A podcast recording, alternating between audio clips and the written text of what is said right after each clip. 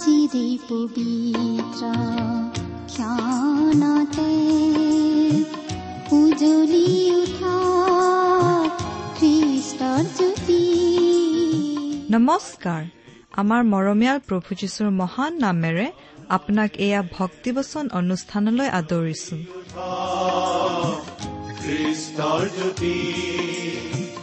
আকাশ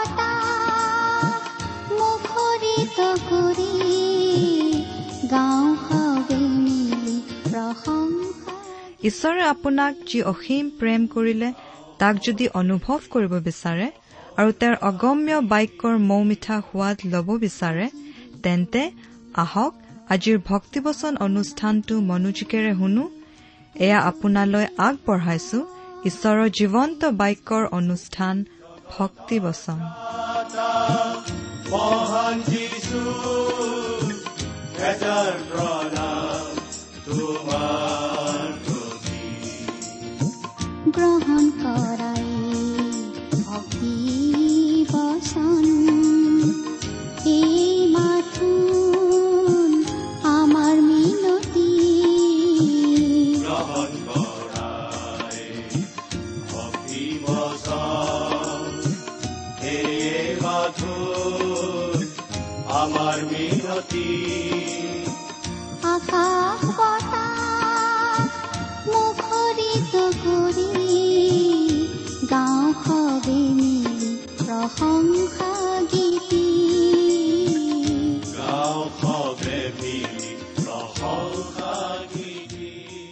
আমাৰ পৰম পবিত্ৰ প্ৰভু যীশুখ্ৰীষ্টৰ নামত নমস্কাৰ প্ৰিয় শ্ৰোতা। আপোনাৰ ভালনে বাৰু? আমাৰ এই ভক্তিবচন অনুষ্ঠান শুনি থকাৰ বাবে আপোনাক আমি ধন্যবাদ জনাইছো। আপোনালোকৰ মাজৰ বহুতো শ্ৰোতাই আমাক চিঠিৰ যোগেদিও উৎসাহ উদ্দীপনা যোগাই আহিছে। চিঠি লিখাৰ কষ্টকণ কৰাৰ বাবে সেই শ্ৰোতাসকললৈ আমি ধন্যবাদ জনাইছো।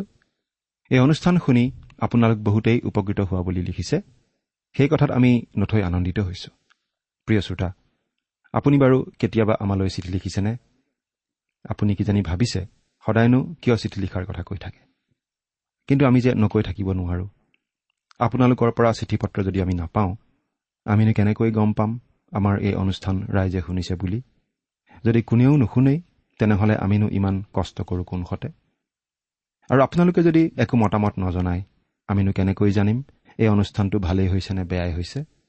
গতিকে প্ৰিয় শ্ৰোতা অনুগ্ৰহ কৰি এই ঠিকনাত দুষাৰিমান লিখি পঠিয়াবচোন। ভক্তিবচন টি ডব্লিউ আৰ ইণ্ডিয়া ডাক বাকচ নম্বৰ সাত শূন্য গুৱাহাটী সাত আঠ এক শূন্য শূন্য এক। ভক্তিবচন T W R India post box number seventy Guwahati seven eight one zero' zero' one. আমাৰ website W W W dot radio' eight eight two dot com. প্ৰিয় শ্ৰোতা আমি আজি কিছুদিন ধৰি বাইবেলৰ নতুন নিয়ম খণ্ডৰ জোহনৰ প্ৰথম পত্ৰ বা চমুকৈ প্ৰথম জোহন নামৰ পুস্তকখন অধ্যয়ন কৰি আছো নহয় জানো? আপুনি যদি আমাৰ এই ভক্তিবচন অনুষ্ঠান নিয়মিতভাৱে শুনি আছে তেনেহ'লে আপোনাৰ নিশ্চয় মনত আছে যে আমি যোৱা অনুষ্ঠানত এই প্ৰথম জোহন পুস্তকৰ চাৰি নম্বৰ অধ্যায়ৰ অধ্যয়ন আৰম্ভ কৰিছো। যোৱা অনুষ্ঠানত আমি এই চাৰি নম্বৰ অধ্যায়ৰ প্ৰথম দুটা পদতেই আমাৰ আলোচনা সীমাবদ্ধ ৰাখিছিলো।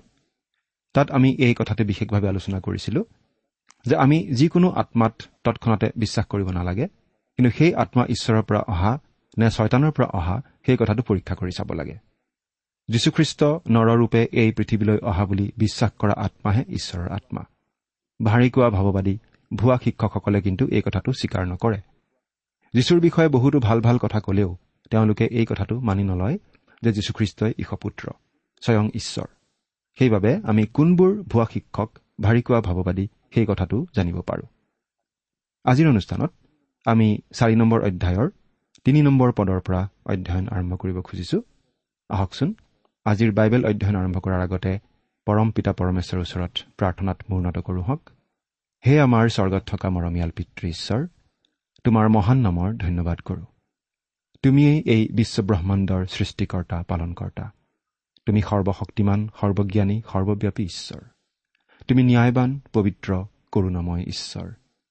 তোমাৰ আগত আমি অতি নগণ্য। আমি দুৰ্বল অপবিত্ৰ মানুহ। আমাৰ একো নাই যিহেৰে আমি তোমাৰ দৃষ্টিত গ্ৰহণীয় হ'ব পাৰোঁ। কিন্তু তুমি আমাক ইমানেই প্ৰেম কৰিলা যে আমাক তোমাৰ সংগী কৰি ল'বলৈ আমাক নৰকৰ পৰা বচাবলৈ তোমাৰ একমাত্ৰ পুত্ৰ যীশুখ্ৰীষ্টকে জগতলৈ পঠালা। তেওঁ ক্ৰুচত প্ৰাণ দি তৃতীয় দিনা পুনৰ জি উঠি আমাৰ বাবে পৰিত্ৰাণৰ পথ প্ৰস্তুত কৰিলে যাতে তেওঁক বিশ্বাস আৰু ভৰসা কৰি আমি পৰিত্ৰাণ পাব পাৰোঁ। তাৰ বাবে তোমাক শত সহস্ৰবাৰ ধন্যবাদ জনাওঁ পিতা। এতিয়া আমি তোমাৰ বাক্য আলোচনা কৰিবলৈ ওলাইছো। তুমি আমাক বিশেষভাৱে কথা কোৱা। অনুষ্ঠান শুনি থকা প্ৰতিজন ব্যক্তিৰ আগত তুমি নিজকে প্ৰকাশ কৰা। তেওঁলোকৰ জীৱন সৰ্বাংগ সুন্দৰ কৰি তোলা। কিয়নো এই প্ৰাৰ্থনা আমাৰ মহান ত্ৰাণকৰ্তা মৃত্যুঞ্জয় প্ৰভু যীশুখ্ৰীষ্টৰ নামত আগবঢ়াইছো। আমেন প্ৰিয় শ্ৰোতা আমি যোৱা অনুষ্ঠানত প্ৰথম জোহন পুস্তকখনৰ চাৰি নম্বৰ অধ্যায়ৰ আলোচনা আৰম্ভ কৰিলো আৰু প্ৰথম দুটা পদ চালো। এতিয়া আমি এই চাৰি নম্বৰ অধ্যায়ৰ তিনি নম্বৰ পদৰ পৰা ছয় নম্বৰ পদলৈকে চাই আমাৰ আলোচনা আগবঢ়াবলৈ ওলাইছো। প্ৰথম জোহন চাৰি নম্বৰ অধ্যায় তিনি নম্বৰ পদ। আৰু যি সকলো আত্মাই যীচুক স্বীকাৰ নকৰে সেই সকলো ঈশ্বৰৰ নহয় আৰু সেয়েই খ্ৰীষ্টাৰীৰ আত্মা। সেয়ে যে আহিছে তাক তোমালোকে শুনিলা আৰু বাস্তৱিক সেয়ে এতিয়া জগতত উপস্থিত আছে। সেই খ্ৰীষ্টাৰীৰ কথা জোহনে তৃতীয়বাৰ উল্লেখ কৰিলে এই পত্ৰত। এই খ্ৰীষ্টাৰীৰ কথা জোহনেই উল্লেখ কৰিছে আৰু তেওঁ খ্ৰীষ্টাৰীৰ কথা উল্লেখ কৰিছে তেওঁ লিখা পত্ৰসমূহত। জোহনে দ্বিতীয় অধ্যায়ত এই বুলি কৈছে হে শিশুবিলাক শেষকাল উপস্থিত হৈছে আৰু খ্ৰীষ্টাৰী আহিব লাগিছে। এই যি কথা তোমালোকে শুনিলা সেইদৰে এতিয়াই অনেক খ্ৰীষ্টাৰী হ'ল। ইয়াৰ দ্বাৰাই আমি জানো যে শেষকাল উপস্থিত হৈছে। দ্বিতীয় অধ্যায় ওঠৰ পদ।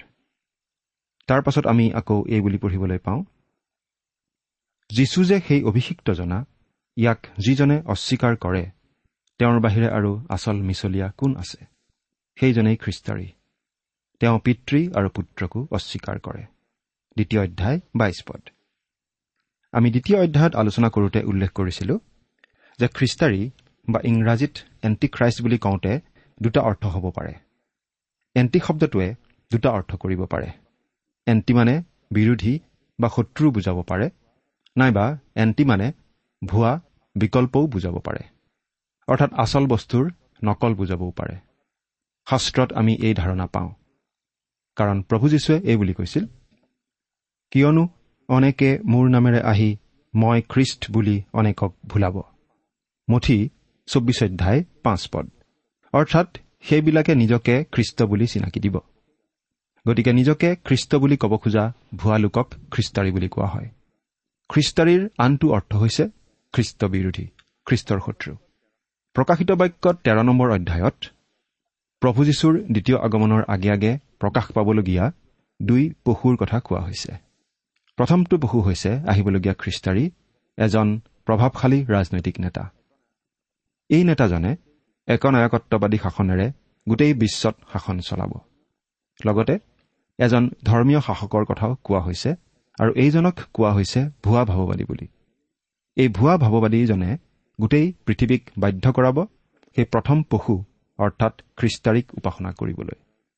এই খ্ৰীষ্টাৰী আহিব মেৰৰ বেশেৰে কিন্তু আচলতে ভিতৰত ৰাং কুকুৰ। এই খ্ৰীষ্টাৰীয়ে নিজক খ্ৰীষ্ট বুলি ক'ব। আমি ভাবোঁ দুজন মানুহৰ যোগেদি এই সকলোখিনি কথা ফলিয়াব। খ্ৰীষ্টাৰীৰ বিষয়ে বাইবেলত থকা গোটেইখিনি কথা ফলিয়াব দুজন ব্যক্তিৰ যোগেদি এজন ৰাজনৈতিক নেতা আৰু এজন ধৰ্মীয় নেতা।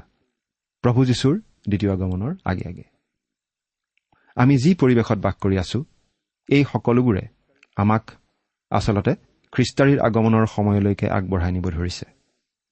এজন প্ৰবল প্ৰভাৱশালী ধৰ্মীয় নেতা ওলাব আৰু সেই ধৰ্মীয় নেতাজনৰ নেতৃত্বত পৃথিৱীৰ সকলোবোৰ ধৰ্মীয় বিশ্বাস একত্ৰিত হ'ব। আনকি এতিয়াই আমি তেনেকুৱা এটা গতি দেখিব ধৰিছো। ৰাজনৈতিকভাৱেও তেনেকুৱা ধৰণৰ প্ৰচেষ্টা আমি আজিৰ বিশ্বত দেখিব ধৰিছো। গোটেই বিশ্বৰ এজন শাসনকৰ্তা হলেই ভাল। এনেকুৱা ধৰণৰ মত প্ৰকাশ কৰা লোকৰ সংখ্যা দিনে দিনে বাঢ়ি যাব ধৰিছে। এদিন সঁচাকৈয়ে এনেকুৱা ঘটিব। এজন ব্যক্তিয়ে গোটেই বিশ্ব শাসন কৰিব। তেওঁ সাময়িকভাৱে পৃথিৱীত শান্তি স্থাপন কৰাটো সফল হ'ব। কিন্তু লগে লগে পৃথিৱীয়ে এনেকুৱা এটা ভয়াৱহ পৰিস্থিতিত সোমাব যেনেকুৱা ভয়াৱহ দিন পৃথিৱীত আগতে কেতিয়াও হোৱা নাই। দ্বিতীয় অধ্যায়ত জোহনে এনেদৰে কৈছে সেই শিশুবিলাক শেষকাল উপস্থিত হৈছে আৰু খ্ৰীষ্টাৰী আহিব লাগিছে। এই যি কথা তোমালোকে শুনিলা সেইদৰে এতিয়াই অনেক খ্ৰীষ্টাৰী হ'ল। ইয়াৰ দ্বাৰাই আমি জানো যে শেষকাল উপস্থিত হৈছে। দুই অধ্যায় ওঠৰ পদ। আজিও আমাৰ মাজত এনেকুৱা খ্ৰীষ্টাৰী বহুত সোমাই পৰিছে। কিন্তু এই খ্ৰীষ্টাৰীবিলাক শেষকালত আহিবলগীয়া সেই খ্ৰীষ্টাৰীজন নহয়। এই খ্ৰীষ্টাৰীবোৰে পৃথিৱীখনক সেই আহিবলগীয়া খ্ৰীষ্টাৰীৰ দিনলৈ আগুৱাই লৈ গৈছে। চূড়ান্ত খ্ৰীষ্টাৰীৰ আৱিৰ্ভাৱলৈ পৃথিৱীখন প্ৰস্তুত কৰিব ধৰিছে। চাৰি নম্বৰ অধ্যায়ৰ এই প্ৰথম ছটা পদত জোহনে এটা বিশেষ সাৱধানবাণী আমাক শুনাইছে। ব্যস্ত ৰাস্তাত থকা ৰঙা ট্ৰেফিক লাইটৰ নিচিনা যেন আমাক সাৱধান কৰি দিয়া ৰঙা লাইটহে। তেওঁ কৈছে আমি প্ৰেম প্ৰদৰ্শন কৰিব লাগে জ্ঞানেৰে আৰু সুবিবেচনাৰে। আমি খ্ৰীষ্টীয় বিশ্বাসীসকলৰ প্ৰতি বিশেষ প্ৰেম প্ৰদৰ্শন কৰিব লাগে। কিন্তু নিজকে খ্ৰীষ্টীয় বিশ্বাসী বুলি কোৱা লোকসকলৰ মাজত কোনো কোনো ভুৱা শিক্ষকো থাকিব পাৰে। গতিকে আমি সেইটো সাৱধানে চাব লাগে। আমি আত্মাবোৰ পৰীক্ষা কৰি চাব লাগে। কাৰণ বহুতো ভাৰিকোৱা ভাৱবাদী ওলাই ভুল শিক্ষাৰে মানুহক প্ৰবঞ্চিত কৰি আছে অপথে নি আছে। জোহনৰ দিনতেই বহুতো লোক ওলাইছিল যিসকলে খ্ৰীষ্টক ঈশ্বৰ নহয় বুলি ক'ব ধৰিছিল। সেই ভুৱা শিক্ষকবোৰে খ্ৰীষ্টক এজন আচৰিত ধৰণৰ মানুহ বুলিহে কৈছিল। এই কথাটো আমি প্ৰায়ে দেখিবলৈ পাওঁ যে খ্ৰীষ্টীয় বিশ্বাসীসকল প্ৰায়েই আনৰ কথাত সহজে ভুল যোৱা লোক হয়। আনক সহজে বিশ্বাস কৰি লোৱা লোক যেন হয়। খ্ৰীষ্টীয় বিশ্বাসৰ নামত যিহকে দিহকে কৈ ফুৰা লোককো বহুতে সহজতেই বিশ্বাস কৰি লয়। এনেকুৱা ভুৱা শিক্ষকৰ পয়োভৰ আমি দেখি থাকোঁ। গতিকে জোখনে আমাক এই সাৱধানবাণী শুনাইছে যাতে আমি ভুৱা শিক্ষকৰ পৰা সাৱধানে থাকোঁ। খ্ৰীষ্টৰ ঈশ্বৰত্বক অস্বীকাৰ কৰা খ্ৰীষ্ট যে মানৱৰূপে জন্মগ্ৰহণ কৰিছিল সেই কথাক অস্বীকাৰ কৰা ভুৱা শিক্ষকৰ পৰা। প্ৰভু যীশুৰ জন্ম হৈছিল কুমাৰী মৰিয়মৰ গৰ্ভত। কোনো পুৰুষৰ সংগলৈ নহাকৈ পবিত্ৰ আত্মাৰ শক্তিৰে মৰিয়মে যীশুক গৰ্ভধাৰণ কৰিছিল। কোনো কোনো লোকে সোধে যীশুৱে কুমাৰী মৰিয়মৰ গৰ্ভত জন্মগ্ৰহণ কৰা কথাটো অস্বীকাৰ কৰিও খ্ৰীষ্টিয়ান হ'ব পাৰিনে? নিশ্চয় নোৱাৰি কাৰণ ভুৱা শিক্ষকৰ পৰিচয়ো ইয়াতেই। প্ৰভু যীশুৱে যে কুমাৰী মৰিয়মৰ গৰ্ভত এনেদৰে জন্ম লৈছিল এই কথাটো অস্বীকাৰ কৰা লোক প্ৰকৃত খ্ৰীষ্টীয় বিশ্বাসী হ'ব নোৱাৰে। প্ৰভু যীশুৱে এনেদৰে জন্ম লোৱা কথাটো অস্বীকাৰ কৰা মানে তেওঁৰ ক্ৰুচীয় মৃত্যুৰ কথা আৰু তেওঁ কবৰৰ পৰা সোঁ শৰীৰে পুনৰুত্থিত হোৱা কথাটো অস্বীকাৰ কৰা হয়। গোটেই খ্ৰীষ্টীয় বিশ্বাসটোকেই অস্বীকাৰ কৰা হয়। সেইকাৰণেই আমি দেখিবলৈ পাওঁ এই কথাটো মিছা বুলি প্ৰতিপন্ন কৰিবলৈ ছয়তানে নানা ধৰণে চেষ্টা চলাই থকা ভুৱা শিক্ষকবিলাকৰ জৰিয়তে। আৰু এই কথাটোৱেই ভুৱা শিক্ষক কোন সেই কথা আমাক তৎক্ষণাত জনাই দিব পাৰে। জোহনে কৈছে খ্ৰীষ্টীয় বিশ্বাসীসকল ভুৱা শিক্ষকৰ দ্বাৰা চালিত হৈ অপথে যাব নালাগে। সেই ভুৱা শিক্ষকসকলক চিনি পোৱাৰ উপায় এইয়ে যে তেওঁবিলাকে খ্ৰীষ্টৰ নৰৰূপী আৱিৰ্ভাৱক অস্বীকাৰ কৰে। এতিয়া জোহনে আমাক আৰু এটা কথা কৈছে।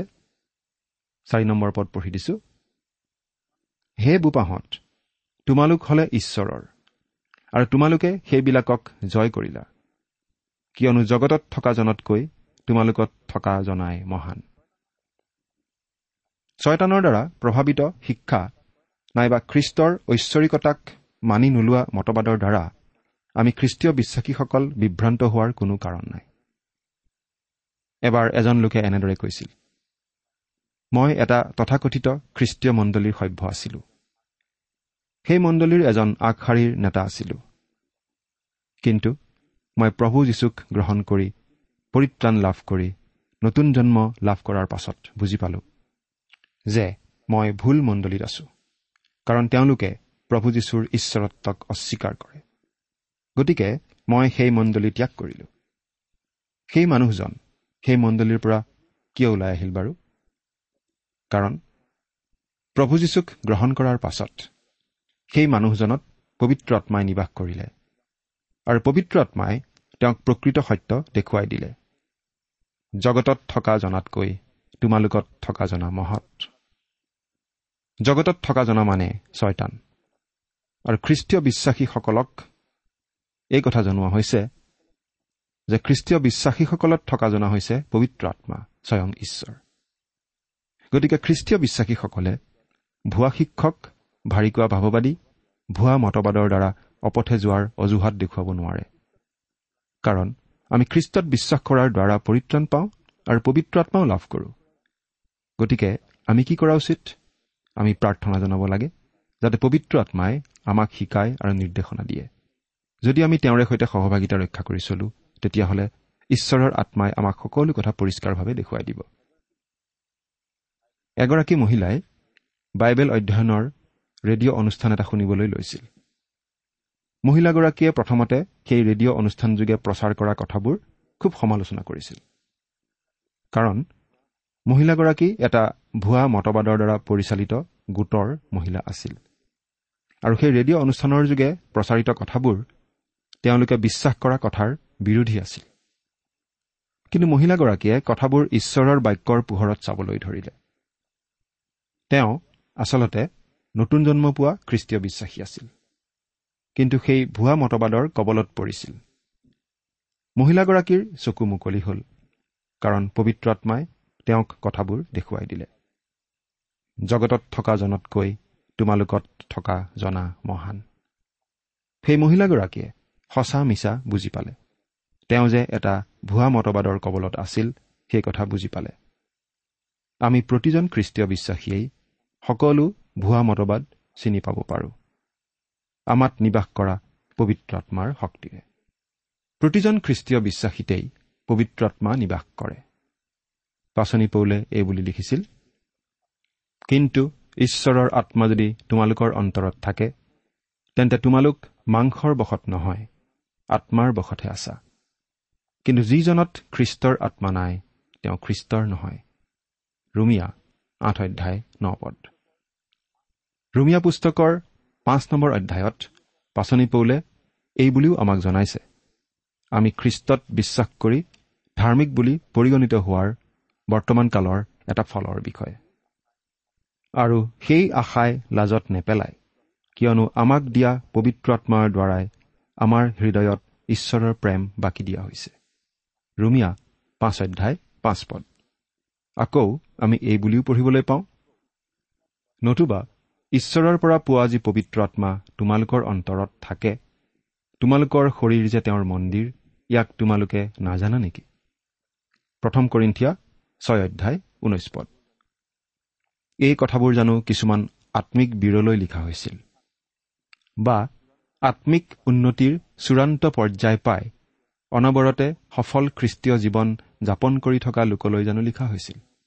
নাই তেওঁ এই কথাখিনি লিখিছিল কৰিণ্ঠত থকা খ্ৰীষ্টীয় বিশ্বাসীসকললৈ। আৰু কৰিন্থিয়া বিশ্বাসীসকলক পৌলে মাংসিকতাত লিপ্ত থকা আত্মিক কেঁচুৱা বুলিহে কৈছিল। সেই কৰিন্থিয়া বিশ্বাসীসকলে খ্ৰীষ্টীয় বিশ্বাসী হিচাপে নকৰিবলগীয়া বহুতো কামহে কৰি আছিল। কিন্তু তথাপি তেওঁলোকতো পবিত্ৰ আত্মা নিবাস কৰিছিল। খ্ৰীষ্টক গ্ৰহণ কৰা প্ৰতিজন খ্ৰীষ্টীয় বিশ্বাসীতেই পবিত্ৰ আত্মা নিবাস কৰে। সেইকাৰণে আজি আমাৰ আগত কোনো স্বৰ্গদূত উপস্থিত হৈ আমাক কৰিবলগীয়া কাম বুজাই দিয়াৰ প্ৰয়োজন নাই বা কথাবোৰ বুজাই দিয়াৰ প্ৰয়োজন নাই। কিন্তু আমাক শিকাব বুজাবলৈ সুবিধা দিব লাগে পবিত্ৰ আত্মাকহে। পবিত্ৰ আত্মাই আমাক শিকায় ঈশ্বৰৰ বাক্য বাইবেল শাস্ত্ৰৰ যোগেদি। আমি বাইবেলৰ পৰা আঁতৰি থাকি বাইবেলৰ বিষয়ে অজ্ঞ হৈ থাকি বাইবেলক অৱহেলা কৰি পবিত্ৰ আত্মাই আমাক দেখুৱাব বুজাব বুলি আশা কৰি থাকিব নোৱাৰো। সেইবাবেই আমি মানুহক বাইবেলৰ কাষ চপাই নিব বিচাৰো।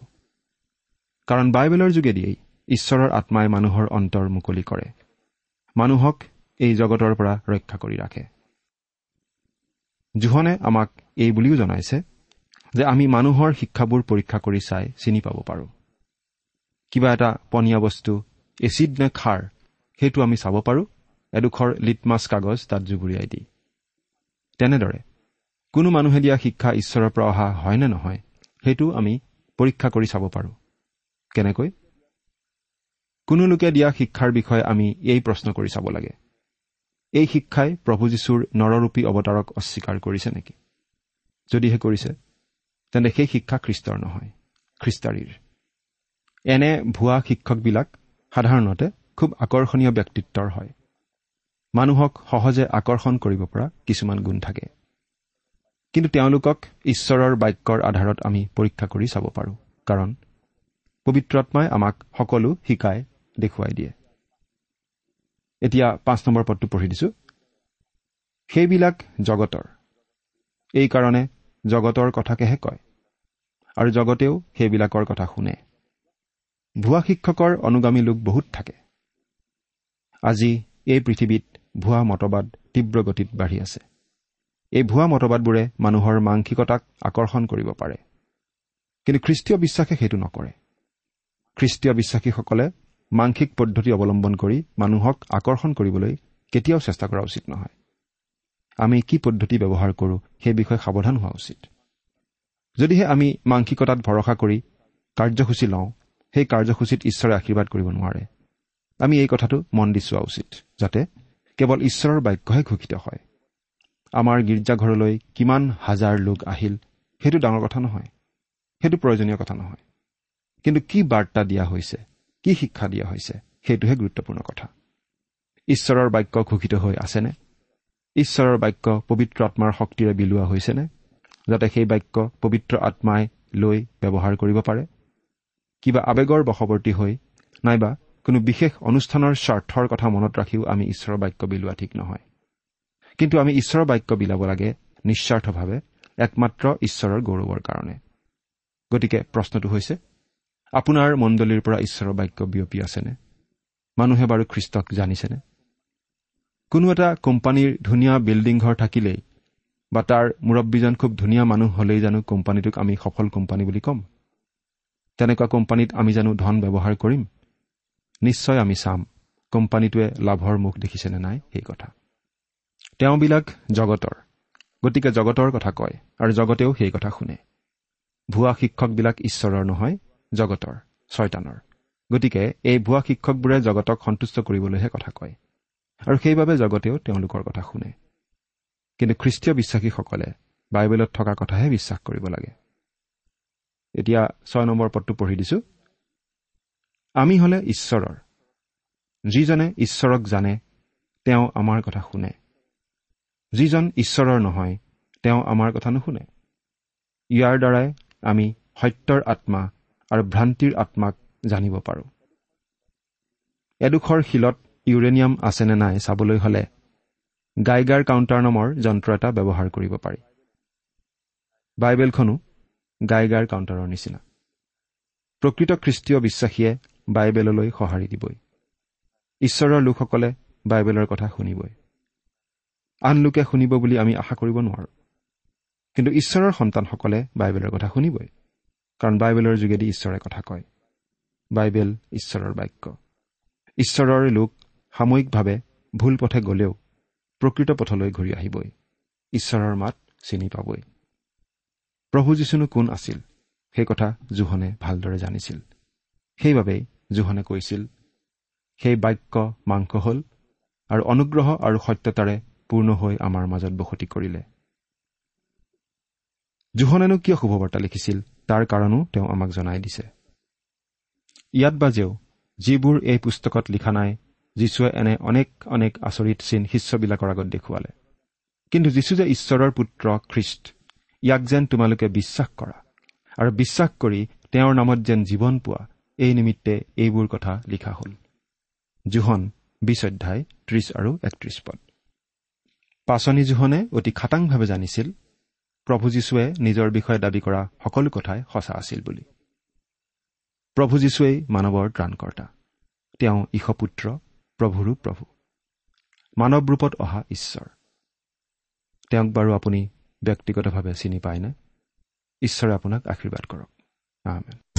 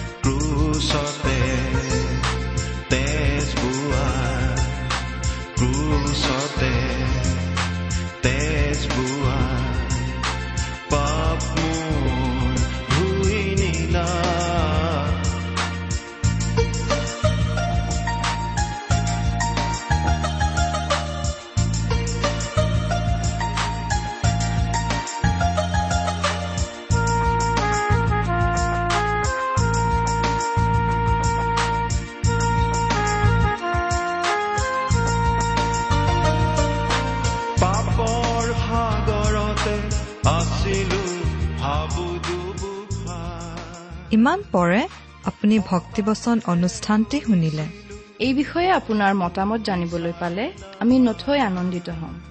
আমি প্ৰস্তুত কৰা বাইবেল অধ্যয়নৰ আন চিডিসমূহ পাব বিচাৰিলেও আমালৈ লিখক। অনুষ্ঠানটি শুনি কেনে পালে আমালৈ চিঠি লিখি জনাবচোন। অনুষ্ঠানত প্ৰচাৰ কৰা কোনো কথা বুজিব লগা থাকিলেও আমালৈ লিখক। আমাৰ ঠিকনা? ভক্তিবচন ট্ৰান্স ৱৰ্ল্ড ৰেডিঅ' ইণ্ডিয়া ডাক বাকচ নম্বৰ সাত শূন্য গুৱাহাটী সাত আঠ এক শূন্য শূন্য এক। ঠিকনাটো আৰু এবাৰ কৈছো ভক্তিবচন ট্ৰান্স ৱৰ্ল্ড ৰেডিঅ' ইণ্ডিয়া ডাক বাকচ নম্বৰ সাত শূন্য গুৱাহাটী সাত আঠ এক শূন্য শূন্য এক। আমাৰ ইমেইল এড্ৰেছটো হৈছে S M is T T B at the rate radio' eight eight two dot com. আমাৰ ৱেবছাইট ইন আপুনি টেলিফোনৰ মাধ্যমেৰেও আমাক যোগাযোগ কৰিব পাৰে। আমাৰ টেলিফোন নম্বৰটো হৈছে শূন্য তিনি ছয় এক দুই ছয় শূন্য চাৰি ছয় সাত এক। ফোন নম্বৰটো আকৌ এবাৰ কৈছো zero' three six one two six zero' four six seven one আজিৰ অনুষ্ঠানটি ইমানতেই সামৰিছো। ঈশ্বৰৰ শান্তি আৰু অনুগ্ৰহ আপোনাৰ লগত থাকক। ধন্যবাদ। মই